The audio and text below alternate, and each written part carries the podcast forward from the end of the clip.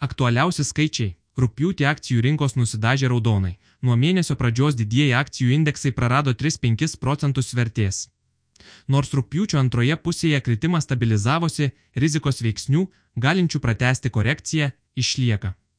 Svarbiausios gyventojams ir verslams šešių mėnesių Euribor palūkanos išliko stabilios ir laikosi ties 3,95 procentus. Svarbiausi įvykiai. Vienas svarbiausių šio mėnesio įvykių, su kuriuo galima sieti ir neapibrieštumo padidėjimą, rūpiučio 24-26 dieną vykęs Jetsksonhole simpozijumas. Renginys svarbus tuo, kad jo metu kalba sako JAV centrinio banko vadovas. Prieš metus, po jo povel pasisakymo, prasidėjo kelis mėnesius trukusi korekcija, kurios metu akcijų rinkos krito 10-20 procentų. Šiemet tokios dramatiškos rinkų reakcijos sulaukti tikimybė mažesnė, tačiau griežtas J. Poveltonas, antrinantis kitiems aukšto rango centrinio banko atstovams, ramybės tikrai net neš. Ta trupjūti prasidėjusios korekcijos pratesimas į rugsėjį yra realus.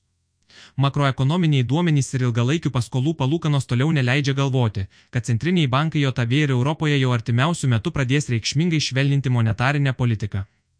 Labai tikėtina, kad pasiekime, arba bent esame labai arti, bazinių palūkanų normų piko, tačiau jų mažėjimo artimiausių metų laukti neverta. Visi šie faktoriai lemia finansų rinkų nervingumą. Investuotojai nori išgirsti, jog palūkanų didėjimas lieka praeitie, tačiau nei ekonominiai duomenys, nei centriniai bankai šio noro niekaip netliepia. Baltijos šalių rinkose neapibrieštumo mažiau. O MX Nasdaq Baltic Benchmark akcijų indeksas per rūpjūtį krito tik 1 procentas, kol kas skelbti vietinių įmonių veiklos rezultatai yra geri, atitinka investuotojų lūkesčius.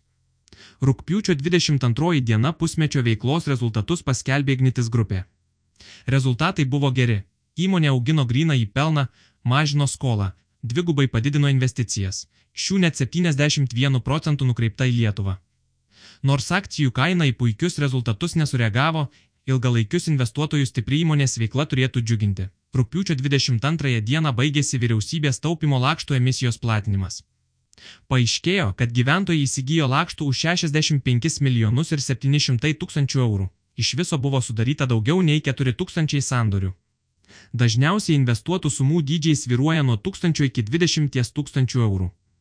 Už šiuos lakštus po vienerių metų gyventojams bus sumokėta 0,3 ir 0,7 procentai metinių palūkanų. Beje, rugsėjo pradžioje bus platinama ir antroji vyriausybės taupimo lakštų emisija.